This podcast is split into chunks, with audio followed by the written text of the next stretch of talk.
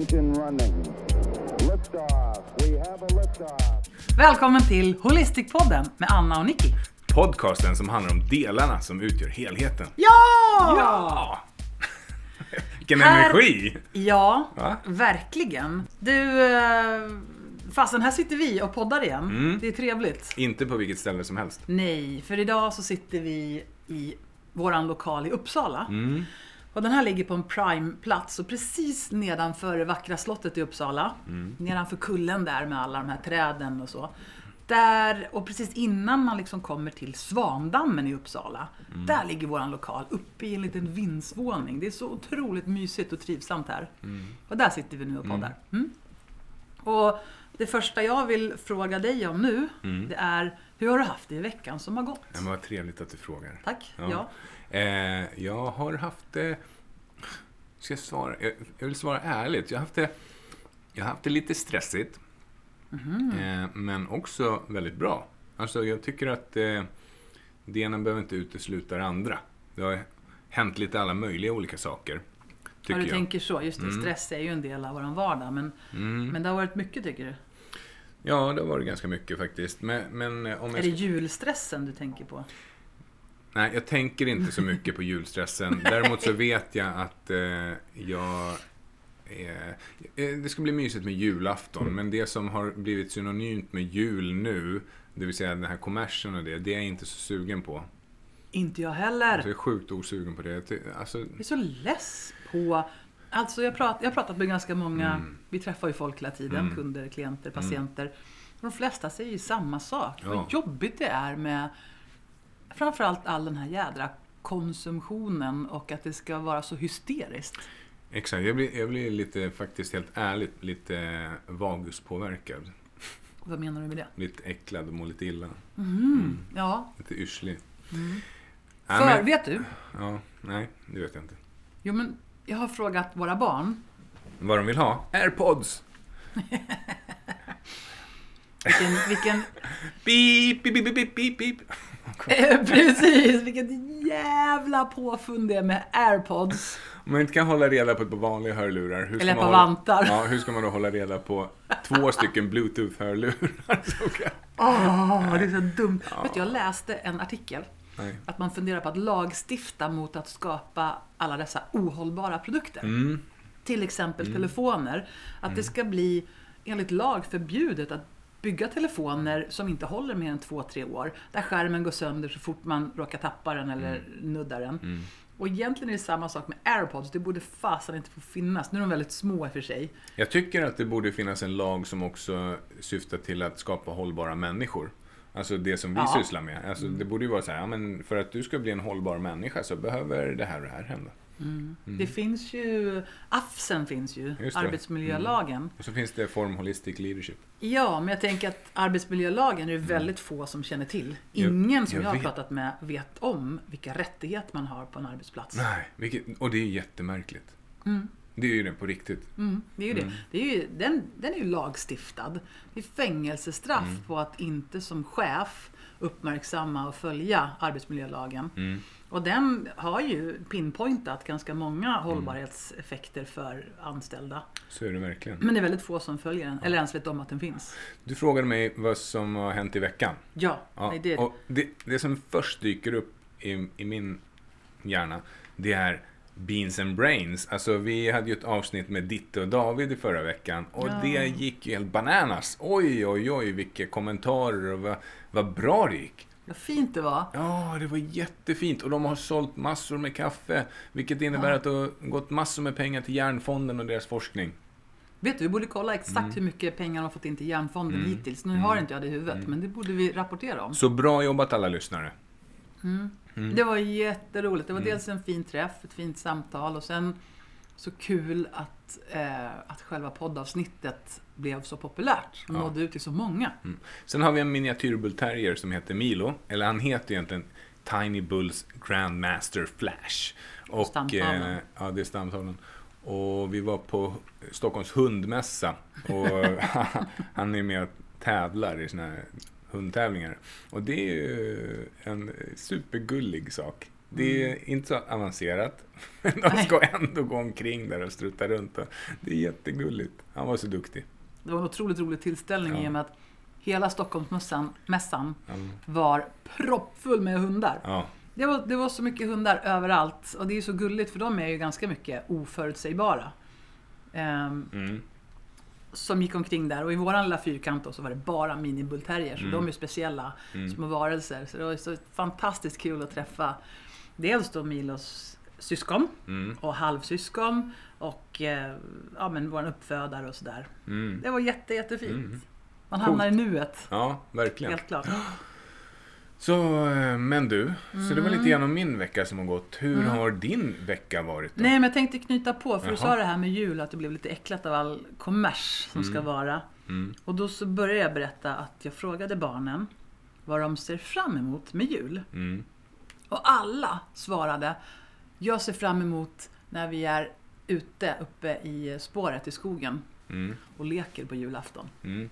Det är det bestående minnet hos våra barn. Det är det de allihopa nämner, att det är så himla mysigt. Vid lunch så går vi upp till Eliospåret där vi bor. Mm. Och så eh, tänder vi en brasa, alltså vi tänder grillen. Mm. Och så leker vi ett antal lekar. Mm. En, bland annat en skattjakt där man får springa runt och typ orientera med mobiltelefonen. Och sen så är det på tid och så är det tävling. Och, Ja, det är kul. eh, och sen så efter det så spelar vi massa musik och grillar korv. Och det, och det är vad de längtar efter och ser fram emot. Men varför är det då så här att vi, jag, eller jag säger nu, jag generaliserar nu och säger så här, varför är det så att vi nu för tiden då ändå går med på det här hyste, hysterin som skapas kring jul? Mm, det Alltså, är, är det? Skumt. Jag tror att det är... ehm, ja, men om jag går till mig själv. För att Mm. om jag frågar barnen då om de minns spåret. Då minns de det alla gånger. Mm. Men om jag frågar om vad de fick i julklapp förra året så är jag helt säker på att de minns inte. De har ingen aning. Jag minns inte vad de fick i Nej. julklapp förra året. Om de får airpods nu, då kommer de inte ens minnas vart de har lagt det de inte minns att de fick. Det är helt otroligt. Nej, Mm. men... Eh, och nu för tiden så är det dessutom så här att de flesta barn Mm. har ganska mycket redan, allt de behöver och mer därtill. Det skrivs ju i tidningarna nu om att varje barn har i snitt x antal hundra leksaker redan. Det är alldeles för mycket. Vi liksom orkar inte hålla koll på alla grejer vi har. Nej, jag tycker det låter jobbigt. Och om vi går till våra barn så kan jag tycka att de har allt de behöver. Mm. Enligt mig, inte Ja, enligt dem, för nej. de saknar airpods. Ja, Ja. och det är ju risk att man hamnar i den här kategorin att ja, när jag var liten, då var det minsann bra. Då, Mm. var det, då hade vi våra byxor som man sydde lappar på knäna och så här. Och det var ju fantastiskt. Men precis som i förra avsnittet så pratade vi om varför mår vi så dåligt när vi har det så bra. Mm. Och det är liksom, ja, det här touchar in lite på det ämnet också känner jag. Ja, ja, och jag tänker så här. Jag skulle gärna skippa julklappar. Men som förälder Mm. så kan jag inte riktigt göra det. Jag kan inte säga till mina barn, hörni barnen, vi struntar i julklappar i år. Du, alltså helt ärligt, det vore ju kul att göra ett experiment någon gång. Gud vad de skulle inte tycka om en på ett tag. Nej, Men, men, men de skulle nog inte... också glömma det ganska Ja, fort tror jag är helt säker på det. Det är klart, om man är medveten om att okej, det kommer vara några dagar eller någon vecka av eh, pain liksom. Mm. Men sen så tror jag att de, de glömmer bort det. Nej, de kommer aldrig att glömma. Minns du den här julen när ni tog bort alla julklapparna? Vad hemskt det var. Ja, ja. Ja, ja. ja ehm, du frågade mig vad som hade hänt i veckan. Just det. Och det var just det där att jag pratat med väldigt många människor om just hur det känns med jul. Mm, Och jag tycker att det är en mysig tid, det är det definitivt. mm, Och jag längtar efter att vi kommer att umgås på julafton. mm, Men jag är helt förbi det här hysterin med att köpa klappar mm, för tusentals kronor. Jag tycker det är dötråkigt. mm. Ja. Ehm, det var väl typ det. Och sen var mera... Jo, min mamma Mm. har äntligen fått flytta ifrån. Vi pratade i avsnitt nummer 32 om att min mamma har legat på intensiven i sammanlagt fyra månader. Ja. Men nu har hon flyttat ifrån intensivavdelningen till eh, ett lite mindre ställe som ligger fem minuter ifrån där vi bor. Mm. Och det känns bra i hjärtat. Mm, det gör det verkligen. Det känns skönt. Det känns som att det blir bättre för alla. Ja. Så det är vad som också har hänt i veckan. Mm. Så idag Mm. i podden Ja. så tänkte vi prata om spännande saker. Som jag tror att alla kan känna igen sig i till viss del. Vi ska prata om Kanske blir nyfikna. ovisshet. Yes. Vad händer när det inte riktigt går som man har tänkt sig? Ja, precis. Det är ju en sak. Men jag tänker framförallt att när man inte har en absolut säkerhet kring hur det kommer att gå. Mm. Då har man ju ovisshet. Mm. Och vad det kommer att leda till i olika människors liv. Så jag vill att vi, vi pratar om ovisshet. Mm. Och om vi gör det, vad, vad tänker vi att det kan leda fram till? Säkerhet. Eller visshet kanske. Om att det faktiskt går att påverka. För att jag tänker så här. Ovisshet, det kanske leder till någonting som är väldigt jobbigt att hantera för många. Men det gör inte det hos alla. Så tänker att man kanske kommer till några insikter, man kanske får några aha-upplevelser. Mm. Vad tänker du? Jag tänker att det kan vara väldigt olika. Att man kan vara... ehm, men du och jag, vi kanske är ungefär lika bra på att hantera ovisshet, men på lite olika sätt. Mm. Så jag tror att det kan variera ganska mycket också. Mm. Men jag tror att det man kan ta med sig av det här avsnittet, det är att man lite grann lyfter ämnet och pratar om det. Mm. Och kanske kan man bli varse om att ah, just det, det är det där som händer mig. Eh, Så här brukar det faktiskt vara för mig, för det är kanske ingenting man tänker på hela tiden. Nej. Och i Sant. bästa fall så får man med sig lite verktyg som man kan testa redan idag. Eller varför inte redan i jul. Ja. För julen och julafton är ju en högtid som är full av saker som ska bli så himla bra och det måste bli perfekt och det ska tajmas och det ska stämma och alla ska bli nöjda och glada. Mm. Jag tror det är därför vi känner så mycket press och stress. Tror Jag tror du? det är därför så många människor säger åh vad skönt det ska bli när det är över. Ja, jag, jag tror att det finns flera anledningar. Jag känner ingen stress inför just det, att det ska bli så perfekt. Nej, det förstår jag att du inte gör. För det är inte din grej riktigt. Nej, men nej, precis. Jag tycker mest den där jävla eh, flamset runt omkring. Är tramsigt, många saker. Oj. Ja, Mm. ja lite olika. Mm. Så jag tänker så här. Mm. Vi sätter igång ett bra samtal. Det kommer Det att jag handla om visshet och ovisshet. Det kommer att handla om kontroll och kontrollförlust. Mm. Vi kommer bjussa lite grann på våra olikheter kring vad vi tål och inte tål i form av ovisshet. Mm. Och sen kommer vi också prata om vilka beteenden lägger man sig till med när man inte är så bra på det här med ovisshet. Och på vilket sätt kan man bli väldigt handikappad i sitt liv. Mm. Och hur kan man i så fall jobba mot att bli bättre på att tolerera ovisshet? Sjukt spännande ju. Jag tycker det. Ja, kör vi. ja, kör vi! Och jag är på riktigt nyfiken. Mm. Vilka saker tycker du att du är bra på att tolerera? Som du inte behöver ha så mycket kontroll på. Vi, vi är ju tillsammans och vi är ganska olika. Mm. Och om jag skulle säga bara rakt av så skulle jag säga att du är en person som har väldigt lite behov av kontroll, struktur, organisation. Alltså du är ganska nöjd. Du är såhär, nej men det går bra, Men, det går ja, fint. ja, kanske enligt den klassiska beskrivningen av eh, kontroll och struktur och ordning. Mhm. Absolut. Men Mm. jag, jag skulle hävda att många av de sakerna jag gör är för att jag vill känna en känsla av kontroll. Ja, för efter åren så har jag Mm. ju sett att det där lilla kontrollfreaket kommer fram ibland. Mm. Vi har Då olika kontroll. Du har ett kontrollfreak. Jag har ju en, mer en kontrollnisse. Men om du börjar med att berätta, vilka saker tycker du att du ja, men, tolererar och inte tolererar? Ja, Okej. Mm. Ja, jag tycker att jag tolererar saker som sjukdom och ohälsa ganska bra på, på det sätt som jag gör det. Jag vet att när jag fick den här infektionen i höften så var det väldigt, väldigt jobbigt. Men så fort som jag hade fått koll på läget, när jag hade skapat mig koll på läget, fått mera Tagit fakta. kontroll alltså? Exakt, när jag fått mer fakta, när jag verkligen har rönt ut allting kring det här. Mm. Då var jag rätt lugn. Så att när jag väl var i Belgien igen och fick en, en morfinspruta i benet Mm. och så kände jag att nu, nu är det lugnt. Då var jag helt trygg i att det här kommer gå bra. Ehm, Så du funkar lite grann så att du skapar kontroll mm. genom att ta reda på väldigt mycket fakta? Ja, Kan det stämma? Ja, jag djupdyker i de sakerna som då händer precis.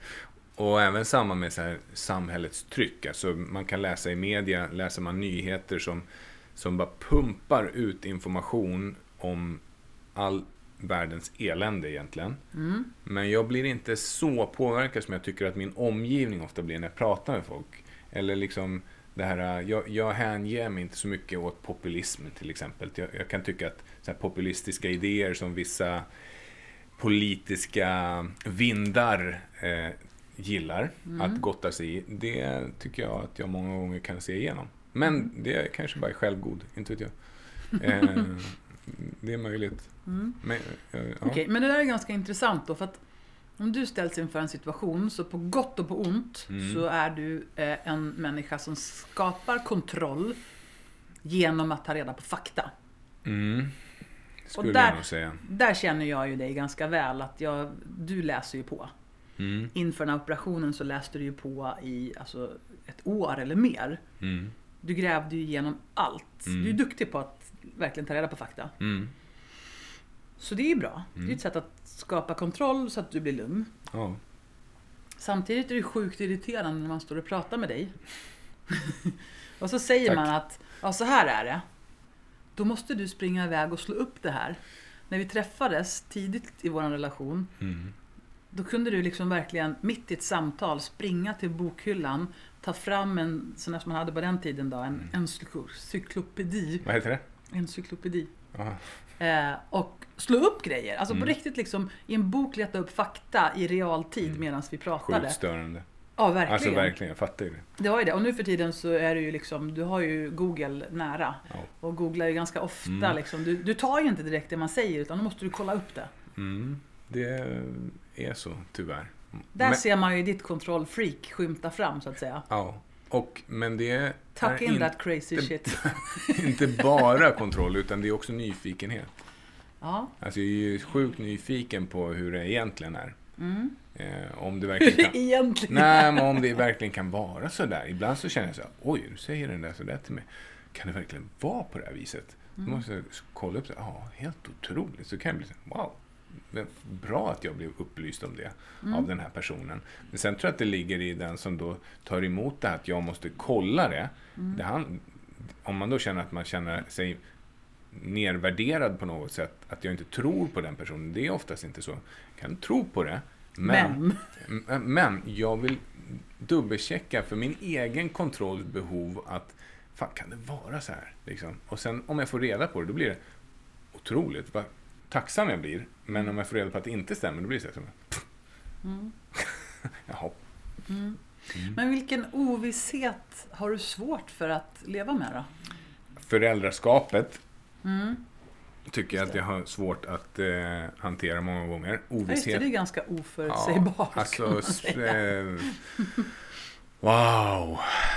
Alla föräldrar eh, i världen, här får ni en kollektiv julstjärna av mig. Det är ju liksom det skapet som kanske är det mest ovissa som har skapats. Mm. Ledarskap i all ära, men föräldraskap, Ja, det är are you tough enough? och det är Det man ska fråga. Mm. Så det, det är väl det. Är det. Och, Men vad i det då? För jag menar absolut att vara förälder. nej, men det är den här kaosfaktorn som barn innebär. Alltså, de, är ju, de är ju egna individer och det går inte att... kon- Alltså, man kan ju inte ha dem... Jag tror att det är det... Alltså, tänk dig sådana här eh, freaks som liksom har spärrat in sina barn i en källare i 30 år. Det måste ju bara handla om en, en känsla av att vilja ha kontroll. Okej, om de är inne i det här rummet, då har jag kontroll. Då, då kan jag gå ut och handla nu. Då är de där. Och då kan jag gå ut och göra mina grejer. Så är de där. I de allra svåraste tun- stunderna kan jag förstå sådana infall. Nej, Nej, men jag skulle inte göra det förstås. Nej. Men i de jobbigaste stunderna så har jag absolut tänkt så här. Jag tror att jag tar och låser in mitt barn. Det verkar vara det enda som kan leda till någon sorts trygghet och säkerhet för mig. Vi pratade om det här om dagen. Att, eh, det här kan säkert vara olika, men att få spädbarn är det många som tycker är ganska jobbigt och omvälvande i livet. Mm. Det är blöjor och välling och störda sovtider. Jag för min del tyckte att det var, det var så mycket lättare än vad alla sa. Mm. och mysigt och härligt och fritt. Mm. Och sen blev de lite äldre och det var också lätt. Mm. och 6 och 7 och 8 och 9 och 10. Mm. Men nu kommer tonåren. Och jag tycker precis som du, jag tycker det är varje dag är en ny möjlighet att ställas inför grejer som man inte har någon jädra aning om Ja. Vad man tycker om eller tänker om. Mm. Man har aldrig någonsin varit i den situationen. Vet, varje gång telefonen ringer så där framåt Mm. eftermiddagen när skolan är slut så tänker man så här. Jaha, Jag vet. Och, och det kan vara vad kommer det nu då? Ja, och jag kan dra ett bra exempel. Så ringde de från skolan. Eh, Jag såg, att, såg vem det var som ringde, jag tänkte säga till vilket barn. Så ringer de från skolan. Och direkt är det så här, "Tjo, nu har någonting hänt. Nu ska de berätta hur knäpp den här personen har varit eller hur dåligt den har skött sig och så vidare. Och så ringer hej! Nej, jag vill bara berätta att eh, det har gått så bra idag och gjorde det här och det här och det här och deltog i det här och gjorde ett fantastiskt jobb på den här lektionen. Man bara, va? Det blir som stillestånd i hjärnan. Jaha, och, eh, tack. och så blir man glad. Och där kommer den här ovissheten fram. Mm. Att om du visste med säkerhet att varje gång som det här numret ringer, då kommer det någonting bra. Ja, Då hade du ju direkt när du såg det där du telefonnumret blir glad. blivit fylld av en varm känsla. Mm. Åh, vad härligt, nu kommer den här positiva telefonlinjen igen. Mm. Men det är den här variationen som är så himla svår. Mm. Och just när det är variation, det hade också varit lättare om du visste att nu ringer klagomuren. Mm. Det är inte kul, inte roligare, men det är mera säkerhet. Ja, verkligen. Och vi har lättare för att ta, vi som människor har lättare att ta det som man kan lita på är Mm. konstant. Ja, Men det är just ovissheten som är det jobbiga. Ja. Man säger till och med att människor som är i en eh, våldsam relation, mm. där man får stryk. Mm. Det svåra med det, det är att det är lite så här varannan gångs behandling. Mhm. En dag får du stryk av din partner. Nästa dag får du blommor och choklad och lovord om att det kommer aldrig hända igen. Jag älskar dig mest av allt på hela jordklotet. Mm. Och då blir den här ovissheten någonting som vi inte riktigt kan ta ett beslut eller ett avstamp ur. Men då måste det ha blivit patologiskt redan. Alltså att det blir... Det är väl alltid patologiskt om någon slår någon annan. Det är absolut, men jag menar den här äh, att, att man inte har förmågan att förstå att det här måste jag ur nu. Mm. Alltså det blir en, en eh, någon form av konstig mentalisering av det hela. Mm. Men, och det är det som är så tokigt. Det är också det här som är drivkraften bakom till exempel spel.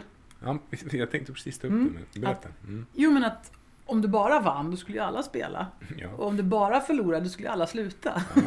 men den här ovissheten kring att Ja men det kan blixtra till, nu har jag vunnit, nu har jag torskat ju ha- tio gånger i rad Ja. här men Jag är helt säker på att de också har, det är så jäkla uträknat nu Mm. för tiden att du vet att så här många spins ska du göra, Mm. sen vinner du lite. Och sen så är det så här många spins, sen vinner du lite mer. Och sen förlorar du allting. Självklart. Det och har man tur så kommer man precis i det där glappet när någon precis har spelat och man liksom vinner storvinsten. Mm. Det hände ju mig en gång när vi skulle öppna Form, Träning och Hälsa, vårt träningsställe. Ja. När vi åkte till Danmark. Vi hade inte mycket pengar alls. Vi Nej. skulle göra det bästa av situationen. Och, Vi hade 60 000 spänn och vi skulle bränna alla dem på en nyöppning av våran dröm. ja, Så var det ju. Ja, och det gick fort åt. Och så åkte vi till Danmark. ehm, och jag spelade några femmor på en sån här pokermaskin. Mm. Så, och sen så plötsligt så bara bling, bling, bling, bling, börjar blinka och allt. Bara står så här. Jackpot, jackpot, 4000. 4. Jag bara shit, jag har vunnit 4000 kronor. Din pappa blev helt till. Så här, Va? Han kunde ju inte stå still. Nej. visste inte vad som skulle, man skulle ta vägen någonstans. Kan du stå och vakta maskinen? Ja, ja, ja, ja. Och så står han och blinkar och så går jag och hämtar vakten och så kommer han tillbaka. Och så säger han, men, men eh, du har spelat med fem kronor. Ja.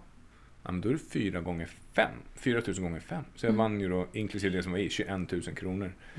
Det passade ju perfekt. Men eh, Då hade det varit lätt att fortsätta spela. då eller? hade det varit lätt att fortsätta. Men det gjorde jag inte. Jag tog ut allting. Mm. Och det var ju en sån här grej. Men sen har jag nog aldrig vunnit någonting stort. Mm. Coolt. Jo, en hästens säng vann jag också. Du är en sån som vinner Ja. saker. Och jag, jag spelar inte så mycket. upplever att jag är en sån som inte vinner saker. Däremot har jag aldrig, aldrig, aldrig spelat på någon nätkasino. Nej. Aldrig.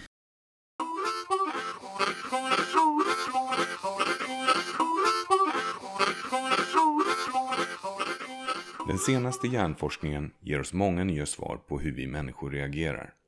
När man inom ämnet neuroledarskap applicerar kunskap från neurovetenskap på ledarskapsområdet får man exempelvis fram nya förklaringar för människors reaktioner vid förändring. En av dessa är SCARF-modellen.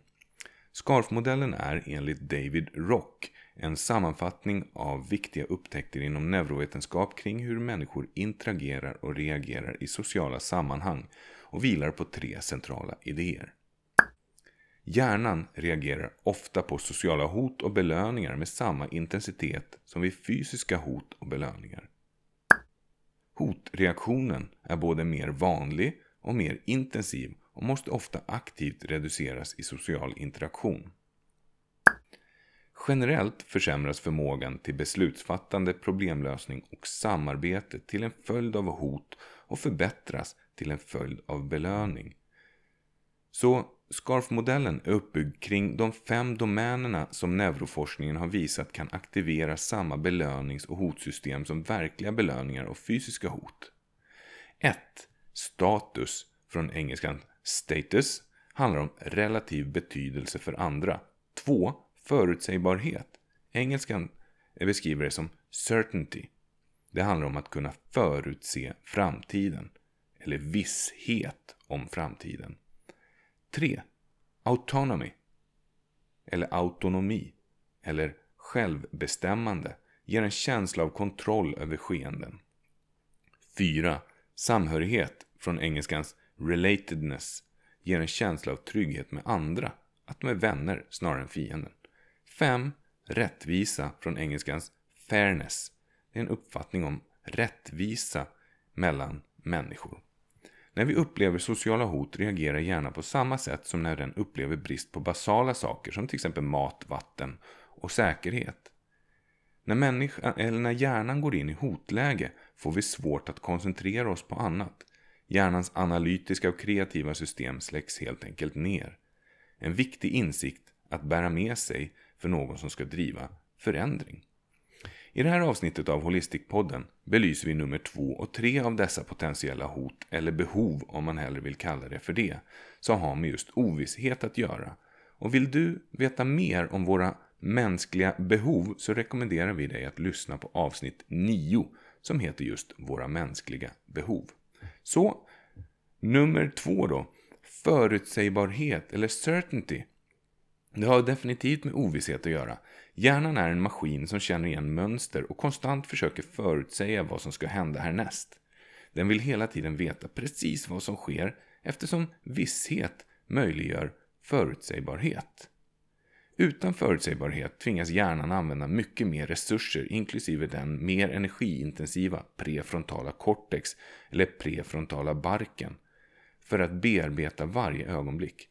Minsta lilla osäkerhet genererar ett felsvar i orbitala cortex från engelskans orbitofrontal cortex eller OFC vilket tvingar uppmärksamheten från det ursprungliga fokuset mot det som upplevs fel.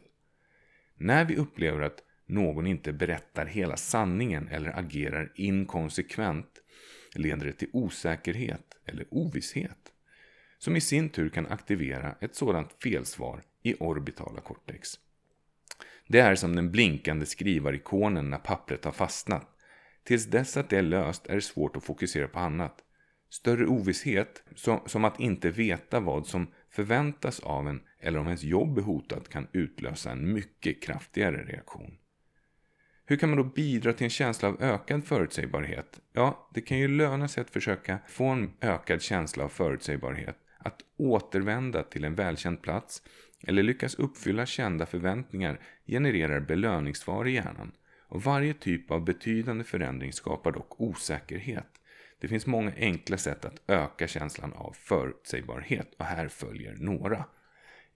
När människor skapar affärsplaner, strategier eller kartlägger organisationsstrukturer ökar deras förståelse för hur en organisation kan utvecklas för att fungera bättre i framtiden. Även om sannolikheten är liten att saker och ting går som planerat mår människor bättre som en följd av att de upplever att förutsägbarheten ökar. Att bryta ner ett stort projekt i mindre beståndsdelar har samma effekt. Ett annat sätt att tydliggöra sånt som är otydligt eller outtalat, exempelvis ett projekts syfte eller ramar. En retorisk tumregel lyder Tala om vad du ska säga. Säg det och tala om vad du har sagt. Det vill säga, var övertydlig. I förändringsprojekt kan man tydliggöra projektets målbild. Att bryta ner en komplex helhet till, till mindre steg och klargöra förväntningar och olika scenarion för vad som kan tänkas hända inom ramen för projektet bidrar till en känsla av ökad förutsägbarhet. Känslan av förutsägbarhet kan ökas även under mycket osäkra tider. Om en organisation står inför en större omstrukturering kan exempelvis ett tydligt besked om när de anställda kan förvänta sig ytterligare information om förändringen vara tillräckligt för att öka känslan av förutsägbarhet. Förändringsledning handlar till stor del om att just öka känslan av visshet i sammanhang där ovissheten är stor. Då tar vi nummer tre, som är autonomi, självständighet. Eller självbestämmande egentligen. Autonomi handlar om självständighet och valmöjligheter. Uppfattningen att man har kontroll över sin egen tillvaro. Att uppleva ökad autonomi är belönande. Många studier visar på ett starkt samband mellan upplevelsen av kontroll och välmående. Forskning har bland annat visat att graden av autonomi påverkar hur människor hanterar stress. Oundviklig eller okontrollerbar stress kan vara oerhört destruktiv medan om man upplever samma stress som valbar blir den betydligt mindre destruktiv. En inskränkning av ens autonomi exempelvis när man upplever brist på kontroll eller känner sig detaljstyrd, kan utlösa en kraftfullt hotsvar. Människor lämnar framgångsrika karriärer för betydligt lägre betalda jobb för att de värderar just självständighet. Och som kuriosa kan det vara intressant att veta att tidigare när personliga tränaryrket började pika så visade det sig att väldigt många jurister och ledande personer i chefspositioner valde att byta karriär för att bli personlig tränare, precis som den personliga tränaren de själv hade anlitat. För att de upplevde att man hade just självbestämmande rätt. Så hur kan man då bidra till en känsla av ökad autonomi? Att arbeta i en grupp innebär per automatik mindre självbestämmande, men i grupper med en välfungerande dynamik tenderar dessa, detta potentiella hot att motverkas av en känsla av ökad status, förutsägbarhet och samhörighet. Samtidigt finns hotet mot autonomin hela tiden strax under ytan och därför en riskfaktor att vara uppmärksam på. Här följer ett par exempel på hur en organisation kan agera för att stärka känslan av autonomi hos de anställda. 1. Att tillgodose långtgående självstyre i en organisation kan vara svårt, men även i begränsad skala kan det vara motiverande. Att exempelvis låta människor själva organisera sina arbetsflöden och arbetstider kan vara fördelaktigt, så länge som det sker inom överenskomna ramar. Uttalandet “Här är två alternativ, båda kan fungera, vilket föredrar du?” kommer generera ett starkare engagemang än uppmaningen “Gör det här nu”. 2.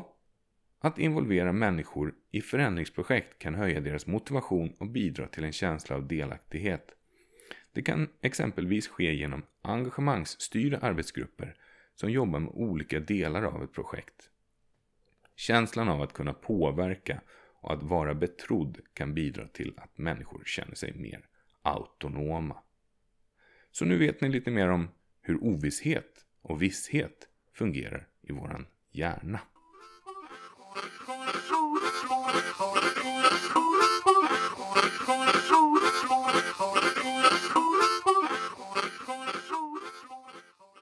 Ja. Om vi pratar då om den här tåligheten för ovisshet. Just så sa du att du är ganska bra på att tolerera till exempel sjukdom och ohälsa. Mm.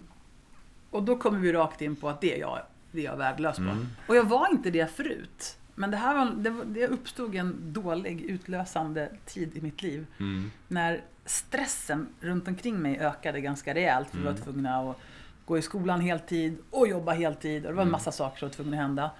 Och samtidigt så läste vi grundmedicin. Jaha, du Och menar patologi. på Ja. Naprapathögskolan? Exakt. Hög stress i kombination med att läsa om alla sjukdomar och eländen som kan inträffa i hela livet. Mm. Eh, och där och då så började min den här otoleransen för olika grejer som kan dyka upp i kroppen. Så jag är ganska... Men vad var det innan då? Blissfully ignorant, eller? Ja, verkligen. Ja, men alltså, jag kände aldrig efter. Nej. Eh, min pappa som du vet, han är ju Mm. som en eh, pansarvagn. Ingenting biter på honom, han bryr sig inte om något. Om han hugger av sig en tå så skulle han tejpa fast den. Han sånt. trampar rakt igenom en, en, en spik rakt genom foten på, Ja, han, på och landet. märkte det inte ens. Märkte det inte. Han tyckte han hade någonting. Det var någonting som Skavde. skavde i foten. Satt Ja. en 12 tum spik rakt genom foten. Ja, men det jag försöker berätta är att min pappa är ju inte den som någonsin bryr sig om eh, om någonting händer med hans kropp typ. Och har ju därför inte lärt mig riktigt att vara uppmärksam på vad som händer i min Ja, kropp. både ja och nej. Ja, han är ängslig utav Han sig kan vara också. ängslig så också. Men, men, Ja, men det såg inte jag så mycket av när jag var Nej, liten. men så här smärta och sånt, det bryr jag sig inte så mycket om. Nej, verkligen inte. Mm. Eh, och min mamma hade ju en ganska tuff kronisk sjukdom. Mm. Och hennes sätt att hantera det var ju liksom att äh! Skitsamma! Mm. Nu ska jag utmana det här. Bit ihop nu. Så när jag var liten då fick jag ju väldigt sällan höra oj oj oj stackars dig, lägg dig och vila så ska jag ta hand om dig. Mm. Utan det var ju ganska mycket så här bit ihop, Mm. snyt dig och gå vidare. Och då tror jag att då gjorde jag det. så jag upplever inte att jag varit särskilt sjuk eller trasig. Jag upplever inte att jag någonsin har känt efter och hade man någonting, ja men då, ja det går över. Det var verkligen blissfully ignorant. Det var så jädra skönt. Min mamma var nog tvärtom. Det var ju liksom så här, hände någonting som oj, oj, oj, oj, oj, oj, får komma och titta, blåsa och plåstra om och Jag kan tänka mig det. Jag har ju sett din mamma sätta plåster på ditt pappas hår, så jag förstår. det gick sådär. Jag förstår att hon hade en, en annan omsorg. Hon är väl också sjuksyrra i grund och Ja, botten. det, undersköterska. Ja, okej. Ja. I alla fall. Nej, men så att någonstans där och då så liksom fick jag upp ögonen och uppmärksamheten för hur jobbigt det är att tro att man är sjuk eller har något fel någonstans. Mm. Och det här är sjukt störande. Så det är en av grejerna som jag har dålig tolerans för helt Mm. enkelt. Åh, nu känns det så här. Åh nej, vad kan det vara för någonting? Mm. Jag har ju också fått lära mig hur man dealar med det. Så det är bra. Mm. Allt det vi egentligen pratar om är ju bara tankar. Alltså, det är tankar om saker som inte ens har hänt. Alltså, vi tänker tankar och de här tankarna är ju inte gjorda av någonting annat än bara pff, rymdvakuum. Alltså, det finns ju, det går inte att ta på det. Det har inte hänt. Det finns inte. Det är en konstruktion av vårt medvetande. Exakt. Och det här för oss ju vidare då till att eh, man tror ju att vi människor Mm. är den enda arten som har den här fantastiska förmågan att kunna oroa oss. Mm. Därför att ovisshet kring vad som ska hända, Mm. inte ovisshet kring vad som har hänt. I så fall om någonting redan har hänt och man har ovisshet, då är det för ja, men hur ska det gå sen? Mm. Alltså när man oroar sig så är man väldigt ofta inne i framtiden. Mm. Och eftersom det inte har hänt Mm. så innebär det att man målar upp i sitt huvud en massa olika scenarion om vad, vad skulle kunna hända? Mm. Hur skulle det här kunna ta sig uttryck? Vad är det värsta som skulle kunna hända? Mm. Och det är det här som blir problemet när ovisshet blir ett problem. Mm. Att man lägger otroligt mycket tid, kraft och energi på att lösa problem som ännu inte har hänt.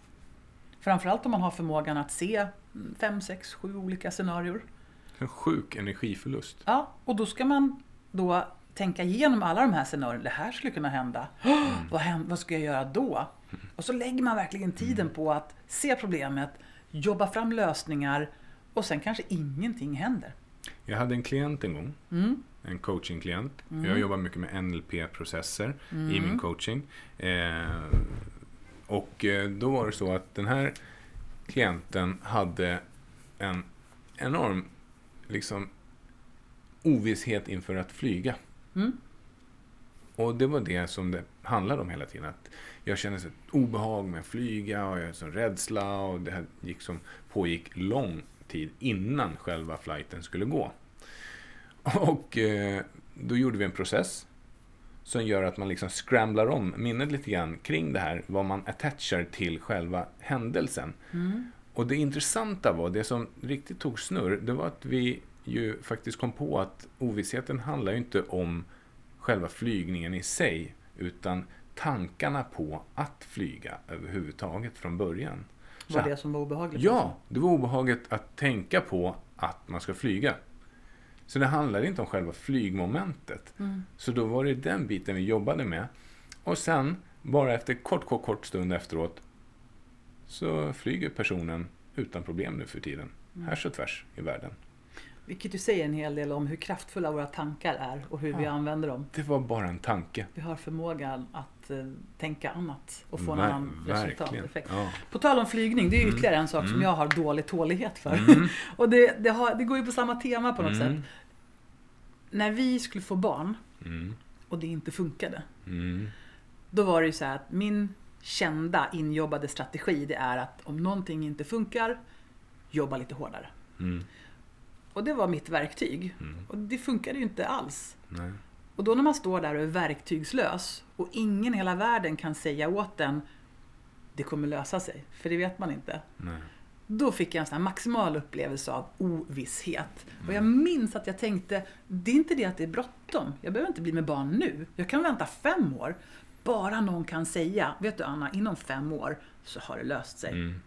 Då hade jag kunnat tagga ner. Men det var just det där att det fanns inget löfte om hur det ska gå.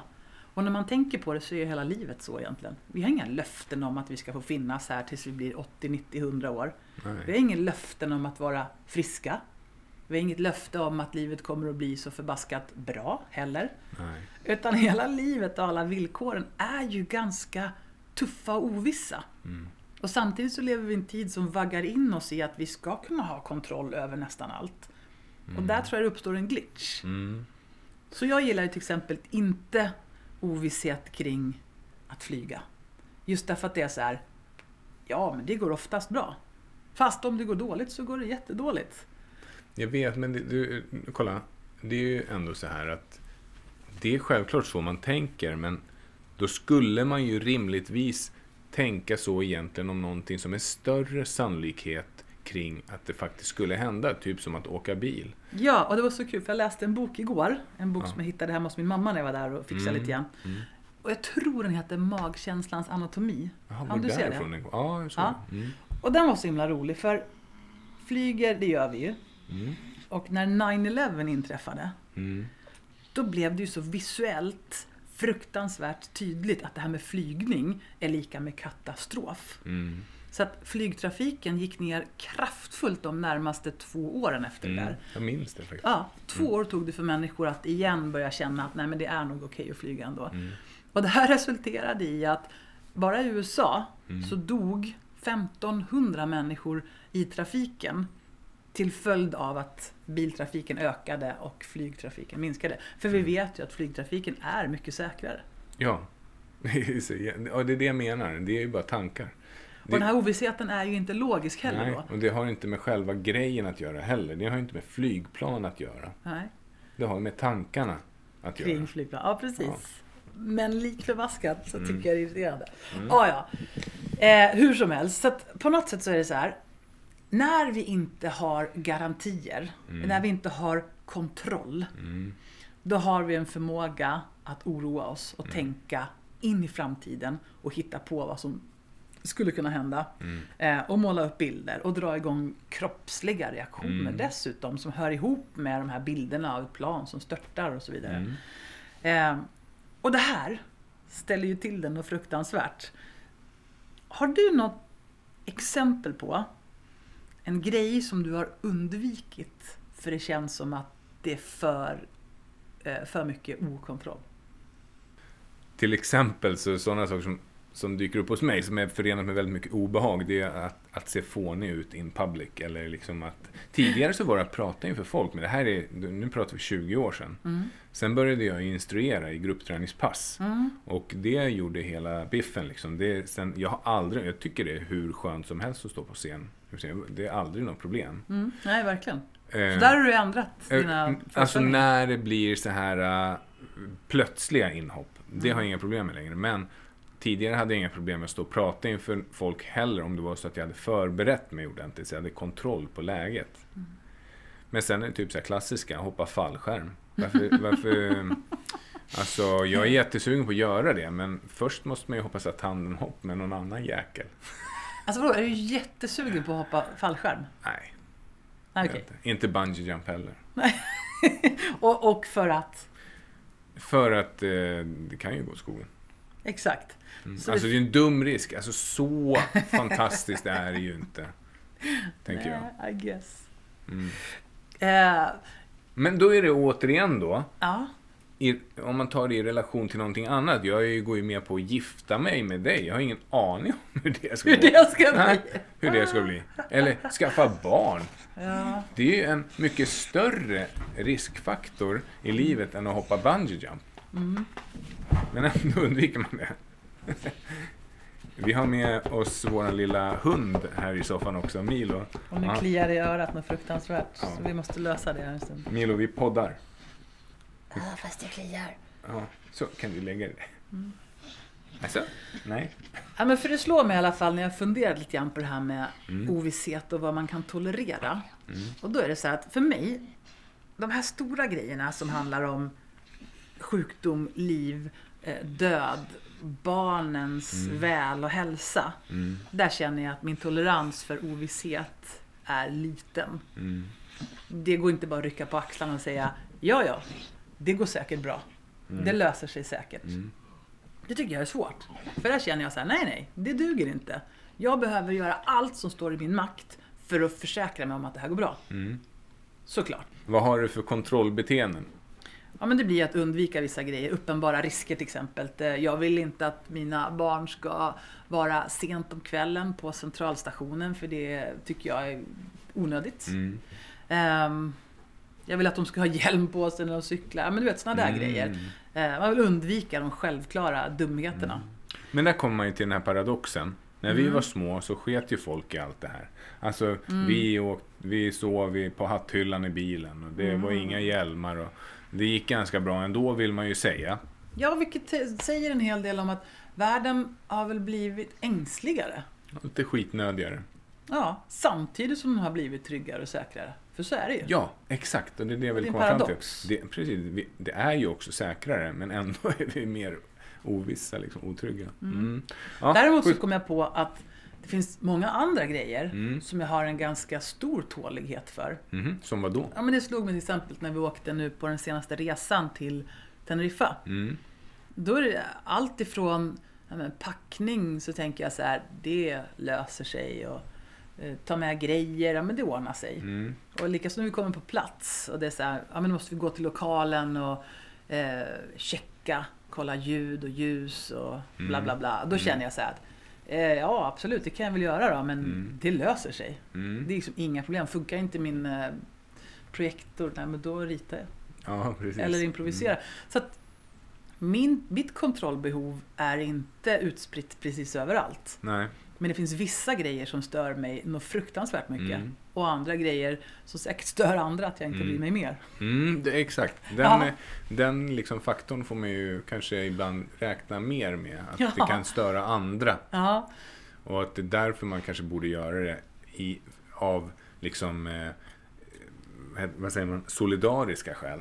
ja men det försöker jag tänka på Mm. ibland. Ja, men som att gå med då till den här lokalen och titta på projektorn och ljud och ljus och sånt där. Då gör jag det fast jag egentligen hade struntat i det För själv. det inbringar ju trygghet i, då i det fallet Isabelle Ja, men och att ledaren inte behöver, och- precis, ja. att inte de behöver känna hur blir det nu om det kaosar ihop sig för Anna. Ja. Ja, precis. Mm. Och det där kommer ju också då i sådana här relationer emellan, Mm. men till exempel dig och mig. Mm. Där har ju vi olika tålighet för saker och ting. ja, det har vi. Och där jag upplever att, igen då, du har en ganska stor tålighet för en massa grejer. Mm. Eh, pengarna är inte slut nu, så varför bekymra sig? Mm. Eh, ja men vi ska ju inte äta just nu, så jag har ingen aning om det finns någonting i kylskåpet. Det löser vi då, när Mm. vi ska äta. Mm. Du är väldigt mycket så här att, ja, men den dagen, den sorgen. Ad hoc. Upplever jag. Ad hoc, precis. Kapten Ad hoc. Vi pratade om att din tröskel är ganska hög. Mm. Ja, ja, det... Ditt jag tröskelvärde för att någonting ska hända. För att din aktionspotential ska gå igång. Ja. Den är ganska hög. det. Ja. Man kan, det, det kan hända ganska mycket skit och det händer ingenting hos Mm. dig. Mm. Men sen när det blir extremt starka signaler, Mm. då smäller det till. Mm. Och då gör du ganska mycket grejer. Mm. Ja.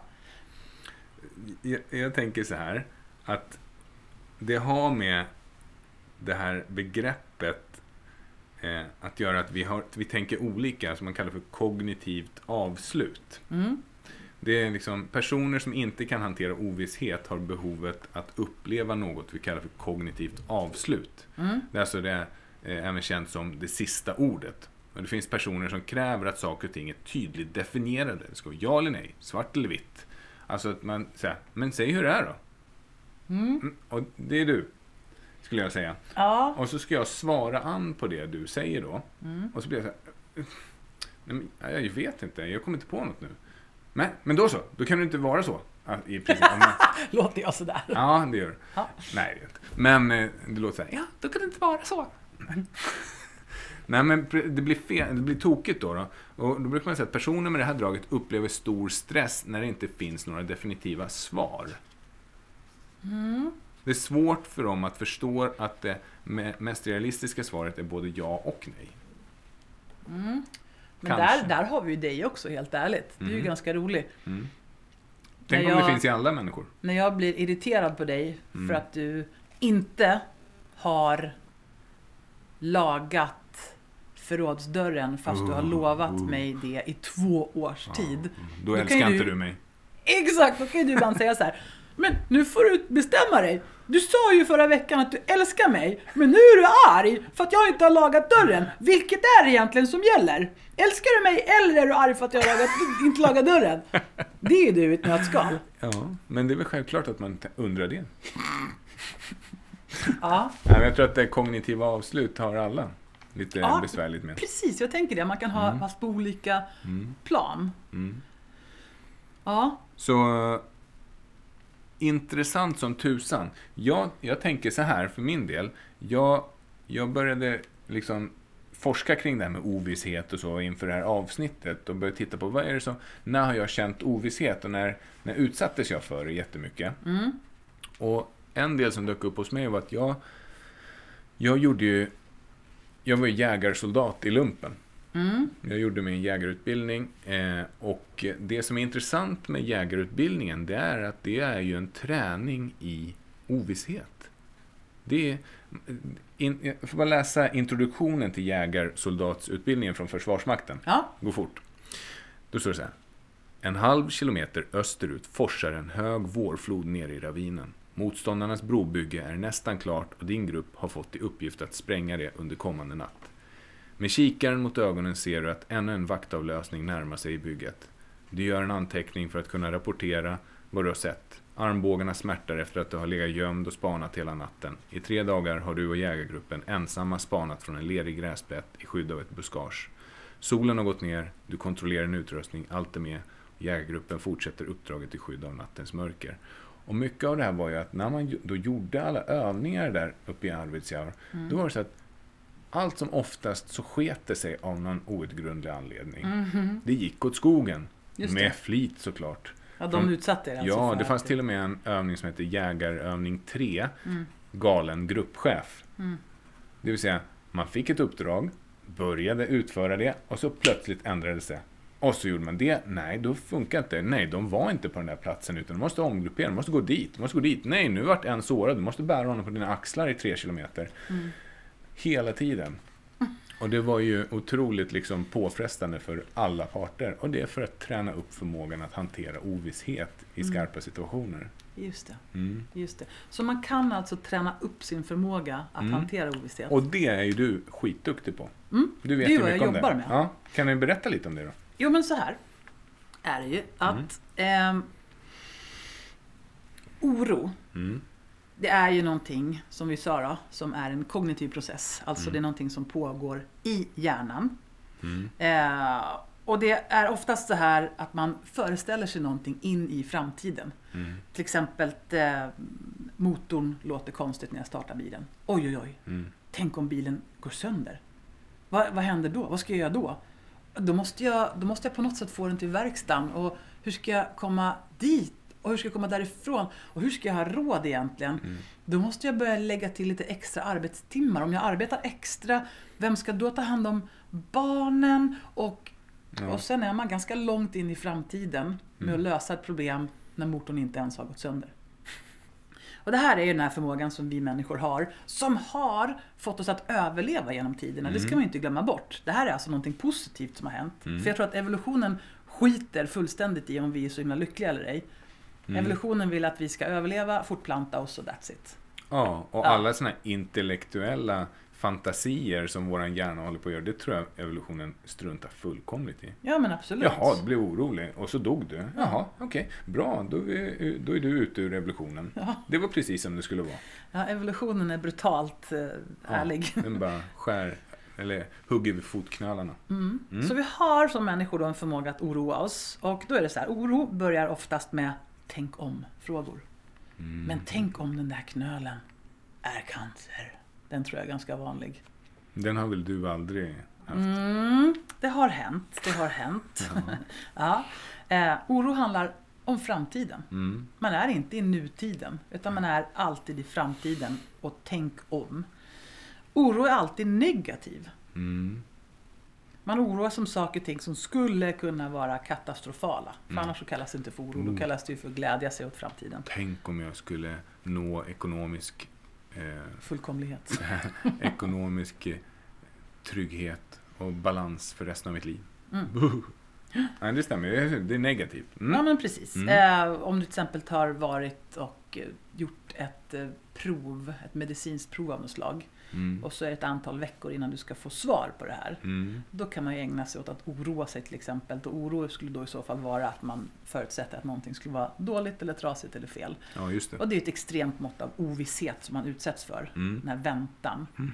Och man säger att väntan är värre än ett negativt resultat. För då vet man åtminstone att där är det. Ett negativt resultat är ändå visshet. Det är visshet, precis. Mm. Och det är just ovissheten som är så jobbig för Att oss. hänga i luften då. Precis. Mm. Så vad är det som utlöser oro oftast? Mm. Och då är det oftast oförutsägbara situationer där vi inte har ett säkert svar på att det kommer gå si eller så. Mm. Nya situationer, Mm. som vi inte har övat på, som vi inte har någon erfarenhet av. Mm. Eh, oklara situationer där man inte riktigt heller vet hur det ska gå. Och sen brukar man dessutom säga att när är oro ett problem? Mm. Och det här går att dra paralleller till stress. Okej. Stress och oro är en naturlig del i våran vardag. Det är helt Mm. naturligt att oroa sig. Som mamma till exempel så är det en förutsättning att oroa sig. Mm. Som mamma så tror jag att evolutionen är otroligt glad att en mamma kan tänka Hmm, nu, nu går vi ut på isen jag och barnen. Mm. Tänk om isen inte bär. Och så säger pappan Jo, det gör den. Ja, Kom hit. absolut. Eller om vi är nere och eh, leker på en brygga. Mm. Då måste mamman ha en förmåga att tänka Men tänk om lilla Kalle trillar i, vad händer då? Alltså, Då tänker pappan Men det har väl ingen dött av. Nej, jag skojar bara. nu, nu är du sexistisk. Ja, eh, och jag var- menar naturligtvis att det kan både vara mamma och en pappa. Just det, det var det jag Men- ville komma fram till. Att våran oro är ju en naturlig och viktig del. Mm. Eh, lika som jag sticker ut själv liksom och gör dumheter. Då måste jag kunna förutsätta att hur skulle det här kunna gå? Mm. Och så räddar livet på Mm. mig. Så oro finns där. Precis som att Men- stress finns där och det är viktigt. Men menar du att djur då inte har det här? Det kan inte jag svara på. Jag kan inte liksom säga att Milo inte oroar sig för om han ska få mat ikväll eller inte. Men han ser rätt soft ut just nu i alla fall. Han ser inte orolig ut. Nej men däremot har de väl en ganska stor liksom, reptilhjärna. Alltså fokuset ligger att de fäktare flyr eller fryser. Det är liksom per reflex. Det vill säga att Ja. de är inte så reflektiva. Nej, Jag vet inte. Jag menar, Nej. alla djur i hela djurvärlden ägnar sig väl åt att eh, samla mat för allt de kan eller bygga ett bo Mm. som är så starkt som möjligt. Så det skulle för sig tyda på att de Mm. har en viss mått Mm. av oro. Men är bara att det är reflexer. limbiska systemet, att det är liksom reflexstyrt. Alltså det är bara så här pr- förprogrammerat. Mm. Men sen har de inte det här neocortex-biten liksom, där man börjar reflektera över varför samlar jag mat för? Nej. De samlar mat, punkt. Mm. Varför samlar jag mat? Nej, det vet jag inte. För att jag alltid har gjort det. Mm. det var ju- Så när Mm. är oro ett problem? Ja, Eftersom det också är oss till gagn. men när det ska vara ett problem? Ja, men det är väl när man när det liksom blir alldeles för mycket stress, tänker jag.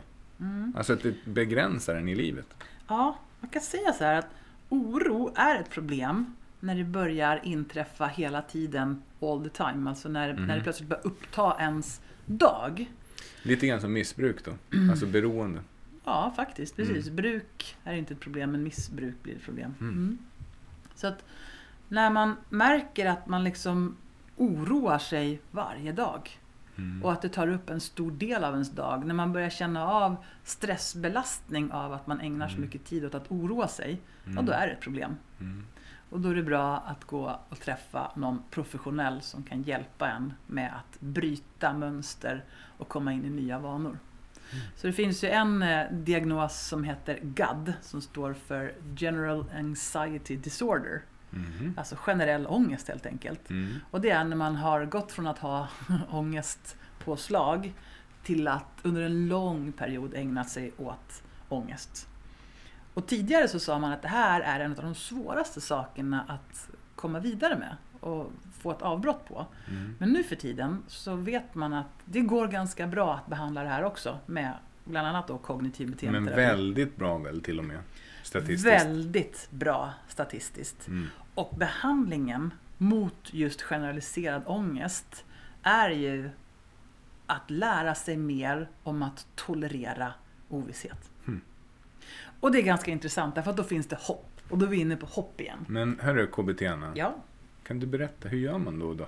Jo, om man då säger så här att det finns en intolerans för ovisshet. Mm. Alltså att man reagerar starkare på när, när man inte har någon visshet eller säkerhet i tillvaron. Mm. Ja, då finns det egentligen två vägar att gå om man ska Mm. generalisera det. Å ena sidan så kan du gå åt det här hållet att du ökar kontrollen. Mm. Jag ska eh, kontrollera att jag absolut inte hamnar i risk för någonting som är farligt. Mm. Så jag slutar upp med att flyga. Mm. Och jag låter inte mina barn gå på ridning för det skulle kunna vara farligt. Och de får inte heller hålla på med kampsport för då skulle de kunna göra sig illa. Och, jag tror inte jag vill ha någon relation alls för det kan gå åt skogen har jag hört talas om. Jag kan bli avvisad. Man kan bli avvisad, man kan bli förrådd, man kan bli eh, bedragen. Man kan sluta älska en för att förrådsdörren inte är fixad. Ja, precis. Sånt kan hända. Så att ett sätt att då hantera det här att man tycker det är jobbigt med ovisshet, det är att öka kontrollen. Mm. Och det som alla förstår som lyssnar nu, det är att livet krymper oändligt mycket när man börjar gå den vägen. När jag hade panikångest och ångest för ett antal år sedan, Mm. då var det ju precis det som hände. Mm. Jag slutade träna för det kändes läskigt och jag slutade gå på vissa platser för det kändes läskigt och jag slutade sticka ut i kajaken på havet som jag tycker så mycket om för det var ju jätteläskigt. Tänk om något händer och jag är ute ensam i kajaken. Nej, det går inte. Och så vidare och så Det vidare. var läskigt att se utifrån, från mitt perspektiv. Eh, Eftersom jag känner dig som en annan person. Mm. Plötsligt så stack du inte ens ut och sprang, vilket var det mest naturliga som fanns för, för dig. Du bara Mm. stack ut och sprang. För min hjärna trodde att det var farligt. Och en naturlig lösning då det var att akta sig för och dra sig undan ifrån det. För att minimera risken för att något skulle hända. Mm. Så, så det är den ena vägen att gå. Eh, och det är lätt att dra sig in på den här vägen Mm. Genom att ha snuttefiltar Mm. i form av undvikande beteenden Mm. och trygghetsbeteenden. Mm. Eh, så nu tar jag fram en modell. Ja, precis. Du tar, fram, du tar fram ett flödesschema ser som du har gjort. Mm. Som, eh, som du använder dig av. Yes. Mm. Och då är det så här att om man, om man leker med tanken att det börjar med en utlösande händelse. Mm. Till exempel, vad ska vi ta då? Eh, man känner en knöl på kroppen. Mm. Eller dubbelslag. Eh, dubbelslag i hjärtrytmen. Mm. Ja, ska vi ta det istället då? Ja, men det kan vi ta. Eftersom det är en grej som jag tror många oroar sig för, som de allra flesta har. Okej. Vilket ja. jag inte tror att alla vet att de allra flesta har. Nej, de allra flesta har ju ett antal, ja man säger att alla människor har ett antal dubbelslag.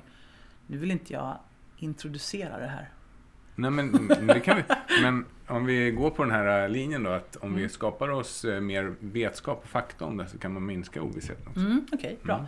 Ja, men då kan vi ta dubbelslag då. Alla människor har dubbelslag ett antal per dygn. Mm. De allra flesta märker inte av det överhuvudtaget.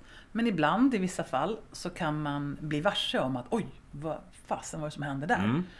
Det känns ju som att hjärtat hoppar över ett slag och sen så kommer det ett dubbelslag. Mm. Eh, och nästa steg då skulle kunna vara att man gör en katastrofal tolkning av det här. Mm. Vad skulle det vara till exempel? Ja, istället för att tänka att Jaha. Som nu när vi har fakta så vet ju vi att jaha, det där var så här dubbelslag som alla människor har mer eller Mm. mindre. För då kan man ju släppa det. Så kanske man skulle kunna tänka att oj, det är något fel på mitt hjärta. Mm. Tänk om jag dör. Mm. Tänk om jag bara ramlar ner i en hög. Ja, Nej, jag håller på att få hjärtinfarkt. exakt. Mm. Och det här leder då till ett visst mått av ångest. Mm. Jättemycket eller lite lagom. I- Ja. Ja. Jag tänker med det här, jag ser en spiral framför mig som går an, alltså antingen neråt. Ja, vi, Eller tillbaka. vi kan ta det som ett hjul nästan. Ja. Mm. Och nästa steg skulle kunna vara att man börjar undvika saker. Som Mm. jag gjorde då, att jag började undvika att sticka ut och springa. Mm. För man tänker att det är, det är säkert farligt. Mm. Om någonting händer när jag är ensam ute i skogen och springer, då är jag chanslös bäst jag låter bli att springa. Mm. Det hade inte med hjärtat att göra, utan det hade med din rädsla för att någonting Det skulle hade gå med åt min skogen. totala Ja. ångest att göra. Mm. Mm. Eh, och det leder då till Mm. att du kommer aldrig någonsin att få veta att det gick bra att fortsätta springa. För du börjar undvika det. Så Mm. då kommer hjärnan att lockas till att tro att det var det som var lösningen och räddningen. Genom Mm. att undvika så klarade jag mig. Aha! Och så fortsätter man då att undvika fler och fler saker. Så du tror att symptomen är farliga, helt enkelt? Ja, du, du gör ju en tolkning av symptomen Ja. och väljer att lösa det genom att undvika. Mm. Och då kommer hjärnan att luras att tro att det var det som löste problemet. Mhm. Du får ingen eh, ny chans för hjärnan att tolka situationen på ett annat sätt. Nej, just det. Utan du fortsätter i en ond spiral. Mm. Och vad händer sen då? En annan sak som kan hända det är att man eh, upptäcker någonting som man tycker är jobbigt Mm. och man känner ett visst mått av ångest. Mm. Och man väljer att be andra människor i sin omgivning om försäkringar. Mhm. Mm. Till exempel, men, men, men vad tror du? Tror du att det här är farligt? Nej, det är inte farligt. Nej, det är ingen fara. Är du säker? Mm. Ja, ja, ja, det är ingen fara. Du det här är ingen fara. Kör på du bara. Mm. Jag hade en faster som hade det här. Det var ingenting. Nej, det var ingenting. Hon levde tills hon var hundra år gammal. Fast hon rökte. Är det sant? Ja, okej. Det som händer då är att man får en ångestlindring. Mm. Då känner man, åh vad skönt. Det var ingenting. Nej. Men den är kortsiktig. Vilket innebär att man fortsätter att be om försäkringar. Mm. Jag kanske ska fråga en läkare egentligen. Mm. Jag går till läkaren, för läkaren vet, så får du en tid hos läkaren. Så säger läkaren, nej men vet du, det där är ingen fara. Åh, vad skönt, vad skönt, vad skönt. Kanske att den där läkaren inte var så bra ändå. Den där läkaren, det var ju bara en läkare. Mm. Han såg inte ut att vara helt säker. Bäst jag frågar en annan läkare, en som verkar en, vara en expert. En manlig kanske. Ja, kanske en manlig läkare Mm. skulle vara bättre än en kvinnlig. Ah! Och då blir man helt och hållet beroende av att hela tiden be om försäkringar. Mm. Och då blir det det som blir lösningen på problemet. Och då är du inne i någon sorts beroendecirkel av eh, försäkringar från andra. Mm. Som blir jättejobbigt både för dig själv, begränsande och jobbigt för de som ska hålla på och försäkra Det dig. försäkringsbolagen eh, tjänar pengar på. Det är ovisshet. Ja, kanske. Mm. Det kanske. är klart. Tänk om olyckan är framme. Ja, jo, precis. Mm. Men samtidigt så torskar de mycket pengar på människor som är osäkra som söker vård. Inte i paritet mot vad de tjänar kan jag lova. Nej. Mm. Eh, och en annan sak som kan hända då när man känner eh, att man tolkar någonting, till exempel ett kroppsligt symptom Mm. Som leder till ångest när man gör en katastroftolkning. Det är att man hela tiden håller på och skannar av och känner efter. Skannar av vad då? Kroppen till Aha, exempel. okej. Oh, hur känns det i kroppen? Är det någonting som känns annorlunda? I exemplet med dubbelslag då. Oh, hur, hur, hur känns det i bröstkorgen? Har jag några dubbelslag? Eller som vissa patienter kan komma till både dig och mig och säga du, Mm. jag vet inte, alltså jag har så ont, ont i vänsterarmen här, ut, axeln och ut i armen och jag undrar, tänk, om- tänk om det är hjärtinfarkt? Då, då är min första tanke alltid så här, fast jag säger det inte högt. Tänk, Mm. Okej, men vad gör du här då? Om du tror att du har fått en hjärtinfarkt, då ska du till akuten. Men då kan man vara ganska lugn. Och, så, och då är det ju massa andra saker ju, som kan kännas på det här sättet. Mm. Och då får man ju utesluta grejer och sen så behandlar man sig. Nej, det var ingenting, det var Mm. muskel. Vilket redan vid anamnesen, alltså när man sitter och Ja. pratar med patienten, blir tydligt. Yes. Ja. Mm. Ehm, Och då då, om man gjort de här, man får de här symptomen då på grund av att man har skannat av kroppen, vad händer då? Ja, då kan man oftast hitta eh, falska symptom, alltså grejer som man normalt sett Kroppen filtrerar ju ut väldigt mycket signaler. Mm. Det är inte meningen att du ska känna att strumpan nyper åt vid vristen, att byxorna Ja. eh, skär in i grenen, Eh, att, det, att, det, att fläkten susar hela tiden Ja, egentligen det. ganska högt. Utan många saker tar ju våran hjärna omedelbart och filtrerar bort.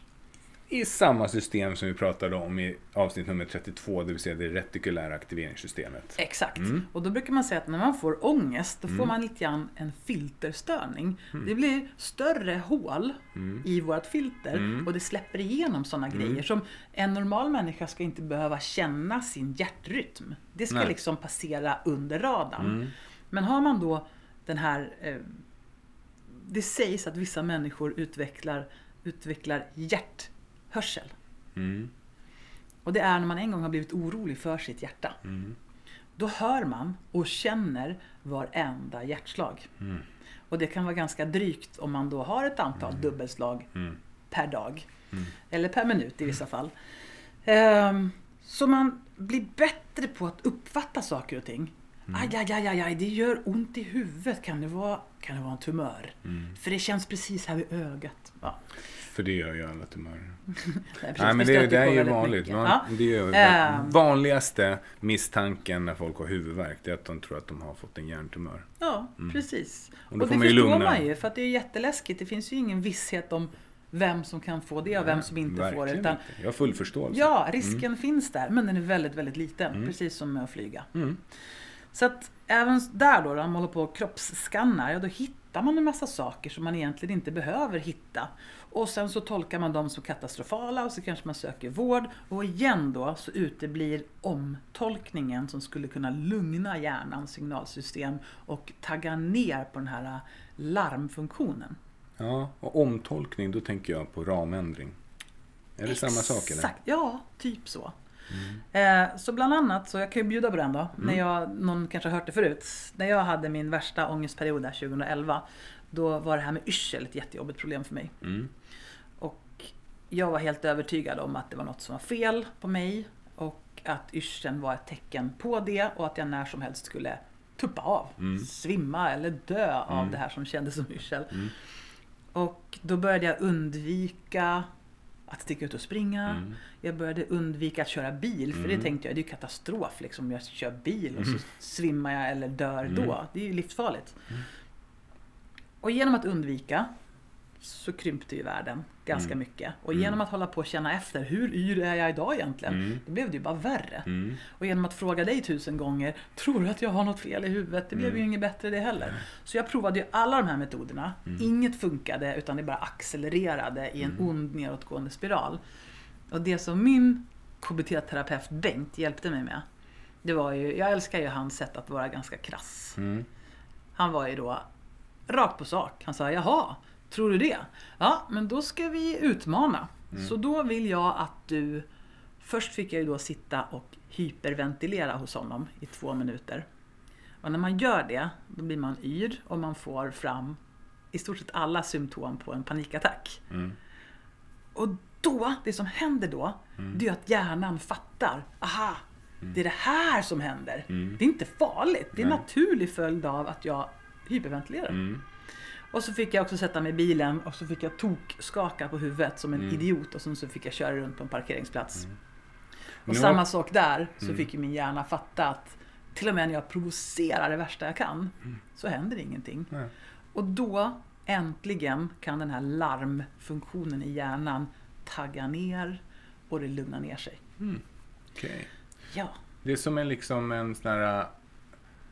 Jag tänker mig en, en vågrörelse. Som först alstras vågen och så når den en peak och sen så avtar den. Om man bara orkar vänta. ja. Mm. Men det bökiga är Mm. att man måste, för att lösa det här då, för då sa vi att den ena vägen det var att öka Mm. eh, kontrollen. Mm. Den andra vägen var att minska kontrollen och öka tåligheten för ovisshet. Just det. Det vill säga det finns egentligen bara ett sätt att bli bättre på Mm. oro och det är att utsätta sig. Mm. Och prata med sig själv. Okej, eh, här är det så här att det finns inte en hundraprocentig, ett hundraprocentigt löfte kring hur det här kommer gå. Men enligt allt vad jag vet så kommer det mest troligt att gå bra. Mm. Så nu gör jag det här. Mm. Och så får man medvetet eh, låta bli att oroa sig. Alltså Låt bli att ägna dig åt att oroa och älta och katastroftänka. Mm. För det leder inte till någonting bra. Okej, det är ju ett ganska konkret och enkelt tips. Mm. Men kanske svårare att göra i praktiken. Ja men typ, så om vi går till dig då. Mm. Eh, hur skulle du kunna använda det här tipset på någonting som du skulle vilja bli bättre på att tolerera? Ja, men för mig så har jag i huvudet en fras som heter, hör och häpna, det har jag kommit på helt själv. Och så tänker jag att det ska vara en symbol till det som en sån här liten eh, pil eller någonting. Just do it. den. Mm. Jag minns för några år sedan, jag tror det var 2015. Mm. Du har ju, enligt mig, jag har ju känt dig ett tag. Mm. Och du är ju en rolig person och speciell på alla sätt och vis. Tack. Ja. Eh, och en grej som du värnar Hörde om, det är ju din bekvämlighet. Mm. Du är ju en person som vill ha det bekvämt ofta. Mm. Mysigt. Ja, precis. Och när jag går i och badar för att det ger mig liv och lust i livet. Mm. Då står du ofta på bryggan och säger "Ugh." Och så säger jag kom i och bada och dela den här upplevelsen med mig. Nej. Mm. Jo men kom igen då. Nej. Jag duschade kallt faktiskt i 14 dagar i sträck här för ett halvår sedan ungefär. Eh, Jag gjorde ingen big deal av det, men eh, det var inte ett dugg skönt en enda gång. Så jag slutade sen. Det som hände 2015 det var i alla fall att du någon gång bestämde dig för att nu ska jag bara gå i och bada. Mm. Varje gång som det bjuds ett tillfälle så ska jag bara just do it. Mm. Och så började du göra det. Så Mm. du utsatte dig för det här obekväma, att Mm. det kan bli svinkallt och brr, obehagligt. Och det som hände i kölvattnen av det där badbeslutet, vad var det? Nej, men det är att jag tog andra beslut också mycket enklare. Och jag, jag tränade min beslutsmuskel helt enkelt. Mm. Eh, och gick emot den här känslan av ovisshet och oskönt. Mm. Så att jag, dessutom nu så är det så att jag, det, det, men det här är så taskigt. Det är fortfarande, jag drabbas ju av historiens liksom vingslag. För att jag är fortfarande så, jag hoppar i ganska så snabbt i vår familj nu för tiden. Jag badar ofta först, hoppar i först i vattnet. Men jag får alltid höra att jag är en badkruka. Mm. Jag har inte sett så mycket av det där sedan 2015. Ha! Ja, ja. Mm. Mm. I alla fall. Mm. Och jag fick ju medvet, jag fick ju många läxor som handlade om att tolerera saker när jag gick i terapi där 2011. Mm. En utav sakerna var också det här med att tolerera, vi hade precis flyttat då, Mm. in i ett hus som inte hade varit renoverat på många, många år. Det kom brunt vatten i badkarsvattnet. Det kom, Mm. Nej, det var kran. inte den gången. Det var vårt, det vi bor nu. Jaha, där du bor nu? Okej, nej det är inte brunt vatten. Nej, men däremot så var det, eh, det var hudrosa ton i hela huset. Mm. Eh, och det var här dragspelsdörrar Just, och pizzavalv och grejer. Just det. Och köksluckorna Mm. i köket var målade med en fabriksfärg från Volvos billackering, var de tydliga Mm. att påpeka. Ljusblå, precis. Mm. Eh, och även det fick jag då i uppgift att tolerera, att bara bo i det där. Mm. Låt det vara. Låt det vara. Liksom, låt livet passera utan att tänka att ja, men jag måste renovera, jag måste göra fint hemma. Mm. Så det finns ganska många grejer som man kan tänka efter och utmana sig kring. Mm. Vad kan jag sätta in för toleransträning i mitt liv? Vad kan jag öva mig på? Jag känner många som är så här, jo jag ska göra den där grejen, jag måste bara städa och röja upp och fixa ordning och laga mat till barnen och se till att de har någonting att göra innan jag kan ägna mig åt det här som jag Mm. behöver eller vill göra just nu. Mm. Så vi människor Mm. har ju en himla massa behov. Mm. Och Tony Robbins, den här gurun från USA som är sjukt duktig på många grejer kring mänskligt beteende. Ja, det är han faktiskt. Jag vet att det finns många som kritiserar honom också, men det är oftast de som, alltså, som inte vet tillräckligt mycket av det jobb han utför. Han är sjukt duktig på det han gör. Man, kan väl, man kan väl använda sitt sunda förnuft och plocka russinen i kakan tycker jag. Det tycker jag med. Eh, Ofta. ja, Mm. Han påstår i alla fall att det finns sex grundläggande mänskliga behov. Som bygger på Maslows behovspyramid också. Ja, Mm. faktiskt. Mm. Och där han pratar då om att vi allihopa har en längtan efter love and connection. Mm. Alltså att få vara ett, en del utav ett sammanhang och känna oss älskade, omtyckta, behövda, Mm. eh, uppskattade. Mm. Och att det motstående behovet då är att också få känna sig unik och signifikant. Mm. Och de här behoven är lika viktiga Mm. Och det kan gå lite fram och tillbaks, som en vågrörelse. Det kan variera. Ett paradoxalt förhållande. Ja, precis. Att om du är i ett väldigt sammansvetsat gäng och du verkligen smälter in och är en utav alla och ni är allihopa likadana och ni har samma kläder och samma uniform. Ja, då uppstår så småningom en längtan efter att, ja men på vilket sätt är jag unik då? På vilket sätt sticker jag ut? Mm. Likaså när du är extremt, eh, extremt unik. Mm. Eh, och känner det att jag är inte som alla andra. Då längtar man efter att få smälta in och smälta ihop. Efter ett tag i alla fall. Om Ja. du blir, aldrig, om du blir, en, eller blir så ensamt så att du inte får någon form av bekräftelse för din unikhet. Mm. Även om man har två näsor till exempel. Ja. Mm. Då skulle man ju längta efter att vara mindre unik, eller hur? Då skulle man önska att det fanns åtminstone en person till som hade två näsor. Ja. En dum bild jag fick i ansiktet. Jag kan inte ens föreställa mig hur det ser ut. Alltså jag, ser två näsor men det blir jättefel. Nej men du hör ju. Mm. Man vill inte vara med oss som sitter och skrattar åt det. Det är ju jättetaskigt. Folk som har två näsor. Mm. Fyra näsborrar alltså. Och samma grej är det ju med det här som vi pratar om nu. Mm. Om att vi har ett grundläggande behov av trygghet. Mm. Att saker och ting ska vara tryggt, säkert och förutsägbart. Mm. Vi vill kunna veta med absolut precision att så här blir det. Så här kommer det att gå. Ja. Och det motstående behovet som är lika starkt, det är vårt behov av variation eller otrygghet. Om. Ovisshet. Ja, Helt otroligt. Därför eh, Lustigt kasinorna funkar. exakt! Mm. Att vi har, när allting blir supertryggt, Mm. vad händer då? Nej, men då gör vi nästan vad som helst för att skapa ovisshet liksom, på ett eller För det annat blir sätt. tråkigt. Mm, det blir tråkigt. för Här förutsägbart. måste jag ha variation. Det är samma, lika varje dag. Jag är så Mm. less på det här. Jag vet exakt vad som ska hända och så blir det så. Jag är så uttråkad. Så då vill vi gärna ha variation. Mm. Men- då vill vi ha överraskningar. Ja, Mm. på julafton då vill vi ha massor med julklappar. Mm. Men man blir gladast av de julklapparna som man faktiskt Vill ha. vill ha. Ja. Du fick en äh, första present som var... Mm. Det fick jag. Nej, du minns Det inte gjorde du minns jag och det minns visst. Jag fick ett par tofflor. Exakt. De var jättefluffiga och det var lite grann så här, jag försökte koppla på vad du menar med det. Jo, jag ville ha den överraskningen. För att du, du så här, vår familj från eh, när jag växte upp, de har man tofflor på sig för man fryser om fötterna. Mm. Och du tycker att det är larvigt och jag tycker det är skitmysigt. Mm. Och så fick jag ett par fluffiga tofflor. Det är så jäkla skönt med så skinn och grejer. Det var väl kärlek. Det var Mm, inte det- för min skull som du fick den tofflor. det var det verkligen inte. Så jag blev, jag blev glad för dem på riktigt. Jag använder Mm. dem varje morgon. Så vad skönt det är bara slippa in i de där och bara, ah, Mm. dricka en kopp kaffe. Det är som ett riktigt bra preventivmedel. Det kommer inte bli med flera syskon nu. Mm. Nej, jag har ju mina tofflor. Så att, Mm. Mm. Precis, det har i alla fall de.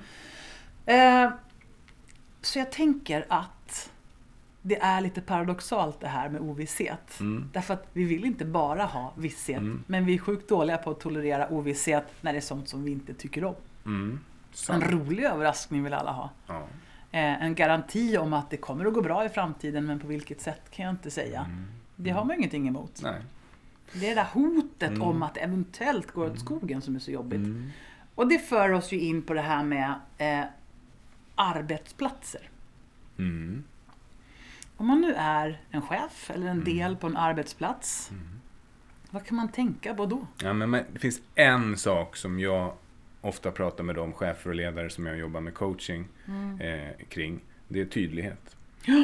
Och vad ger tydlighet i det här fallet då? Ja, tydlighet ger visshet. Mm. Det ger en förmåga att kunna förutsäga framtiden. Förutse vad som ska hända. Mm. Och vad händer med människors hjärnor när Ja. man skapar mycket tydlighet och förutsägbarhet? Ja, stressnivån sjunker och de börjar helt plötsligt kunna få möjlighet till engagemang, till energi, till arbetsglädje. För man behöver inte lägga all sin energi på att försöka förutsäga vad som ska hända från dag till dag. Utan många saker börjar rulla på enligt Ja men vi vet att klockan åtta är det morgonmöte, klockan nio tar var och en tag i sin sak och då kan många saker bli lugna, trygga, ostressiga och man får energi över till att vara kreativ och Mm. Och skapande. även en sak som rollbesättning, att rollerna ska vara tydliggjorda därför att då vet personen och får en visshet i vad är som förväntas av mig och vad ska jag göra. Och de andra vet också att den här rollen hör till eh, Nisse. Och så Ja. vet alla det. Så det är det jag försöker skapa hemma hos oss. Jag försöker skapa den här fantastiska förutsägbarheten. Här är vantarna, här är strumporna, här är tvättstugan. Mm. Pennorna ligger i den här burken. Men du är lite mer så här, du vill ha saker lite mixed and matched. Det blir Nej, som en det- överraskning Nej. Mm. varje gång man öppnar en låda. Titta! Här fanns nycklarna. Det bara blir så. Ja, Mm. precis. Men du vet hur Einstein sa, han ville absolut inte att någon skulle röra hans rum eller hans ordning. Han hade kaos, man hade ordning i kaoset. Precis, det, eh, det kanske du har. Mm. Nicky, Mm, idag tog vi oss tiden att prata lite grann om ovisshet. det gjorde vi. Ja, Mm. och vad, vad, tänk, vad, vad, vad gav det här då? Nej, men jag tycker Vad gav det dig? Vad tänker du på? Ja, men jag tänker på att det är viktigt att prata om de här sakerna därför att det skapar en reflektion kring begreppet ovisshet. Mm. Eh, Och det är någonting som väldigt många går omkring och tänker på men kanske inte reflekterar över. Är du med? Vi, Mm. På gott och på ont tänker jag. Okej. Alltså, det är väl skönt att man inte går och reflekterar så förbaskat mycket över vad som är ovisst i vår tillvaro, för det är ganska mycket. Livet är rätt tufft egentligen. Nej men nej. Va? Precis. Nej, vadå? Livet är rätt tufft egentligen. Jag tycker villkoren är ganska tuffa. Ja, du tycker villkoren är... Ja, men Ja. det kanske inte alls är så. Alltså om man har en känsla av ovisshet kring livet, då är det klart att då är livet tufft och det finns ganska hårda villkor. Nej men så här tänker jag. Mm. Jag tycker livet är tufft när man tänker på att vi föds, bara det är ett outgrundligt mirakel hur allting kommer på Mm. plats. Mm. Eller hur? Det är så här, jag, jag kan inte få mina tankar runt att förstå hela... Nog för att kroppen cell för cell byggs, men var Mm. kommer själen in? Den här unikheten i varje människa. Ja. Mm. Det är Nästa, ett ett, mysterium. annat avsnitt. Ja. Sen ska vi också dö. Alla lever vi med den här äh, grejen att en sak som är säker, det är att vi kommer att dö. Men det är ju Vad händer, kasinoeffekten. vad händer då då? Nej, det är det ingen som vet. Nej. Du får tro lite vad du vill. Du kan tro att det finns en gud, du kan tro att det finns en himmel, du kan tro att det blir svart, du kan tro eh, att det finns en, ett enhörningsparadis som du kommer till. Ingen vet. Nej. Vi kan till och med kriga om vad som ska hända. Mm. Men vi vet fortfarande inte. Och så kommer nästa fråga, om man då lyckas liksom göra fred med att vi inte vet hur det går till när vi kommer till, Mm. eller vart vi tar vägen sen. Okej, men, men vart är det som vi bor då? Ja, vi bor i universum.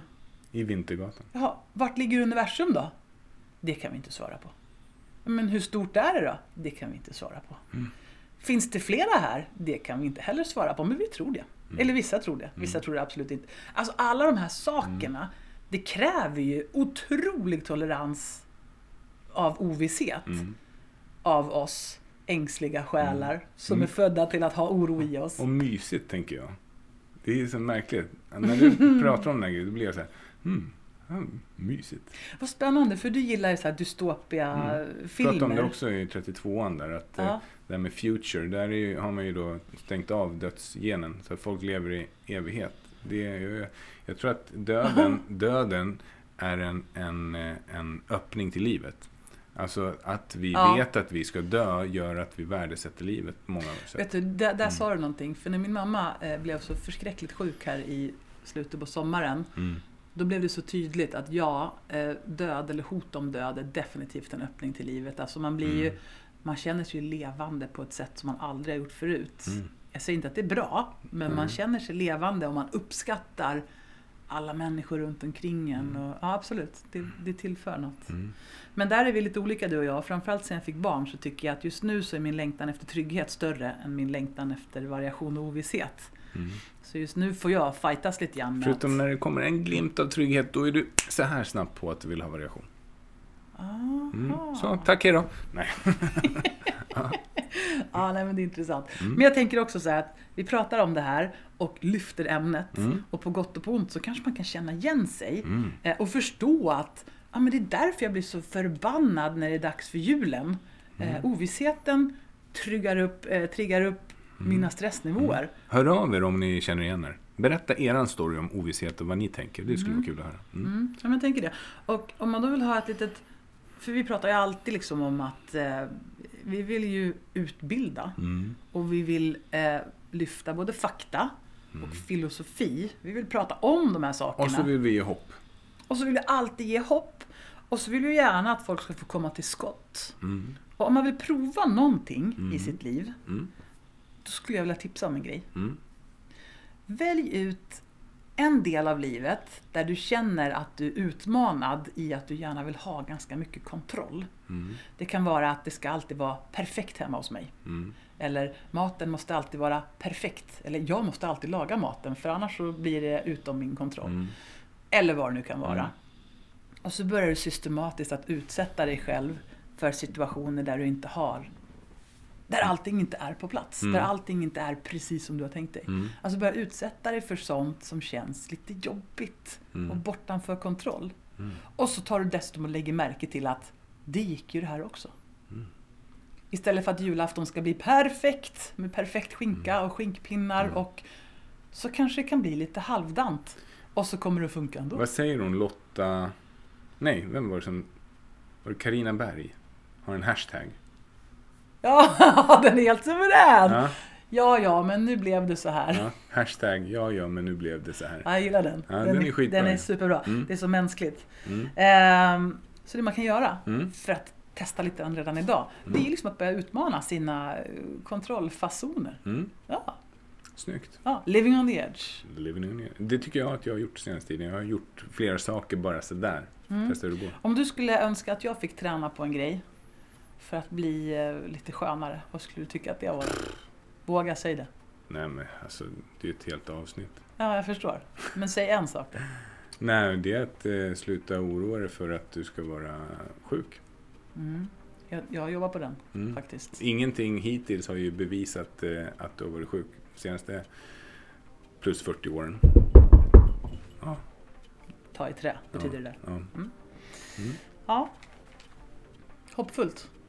Jag tycker det. det Och lite extra kul inför jul. Ja, men alltså vi har ju faktiskt sagt att det går att träna upp eh, förmågan att tolerera ovisshet. Vi behöver ju mindre hoppfullt. skitnödighet Mm. och kontrollfasoner, framförallt kring jul. Mm. Om det är något man vill så är det väl att släppa loss och ägna sig åt umgänget. För det är trots Mm. allt det som är magin i jul, att få umgås. Jag ser fram emot att prata om ett framtida avsnitt som kommer handla om beroende och missbruk och alkohol och alla de här bitarna. Mm. Alla fnurror som uppstår i våran skalle, som jag tror att alla har. Kanske Mm. att vi gör det nästa gång, vad tror du? Kan vara, vi får se. Det får bli Vi en, har haft det där det får bli en överraskning. För vi har haft det här ämnet på lut ganska Ja. länge. Att Mm. vilja prata om just kontroll, kontrollförlust och beroendefasoner. Det är ett spännande ämne. Bero, beroendehjärnan. Det är ju ett, liksom ett eh, favoritämne, i alla fall för min del. Men helt ärligt så är Mm. det så här att det här avsnittet kommer nu släppas nu på söndag. Ja, Och det är precis inför julafton. just Så vi får väl önska alla en riktigt god jul. Ja. Och med en extra julklapp då, önskan om att släppa på kontrollen och utsätta sig själv för lite härlig naturlig ovisshet här och var. Ja, Jaha, nu vart det visst jul igen. ja, men nu blev det så här. Ja. Fint, Härligt. bra. Och så ses vi igen om en vecka. Det gör vi. Ha det bra, hej då! Hej då, god jul!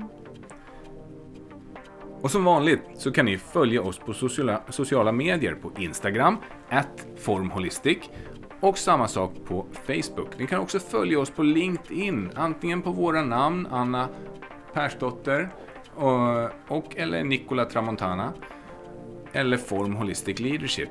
Gå gärna in på vår hemsida också, www.formholistic.com eller mejla oss på kontakt med c formholistic.com eller Anna respektive Nikola at formholistic.com.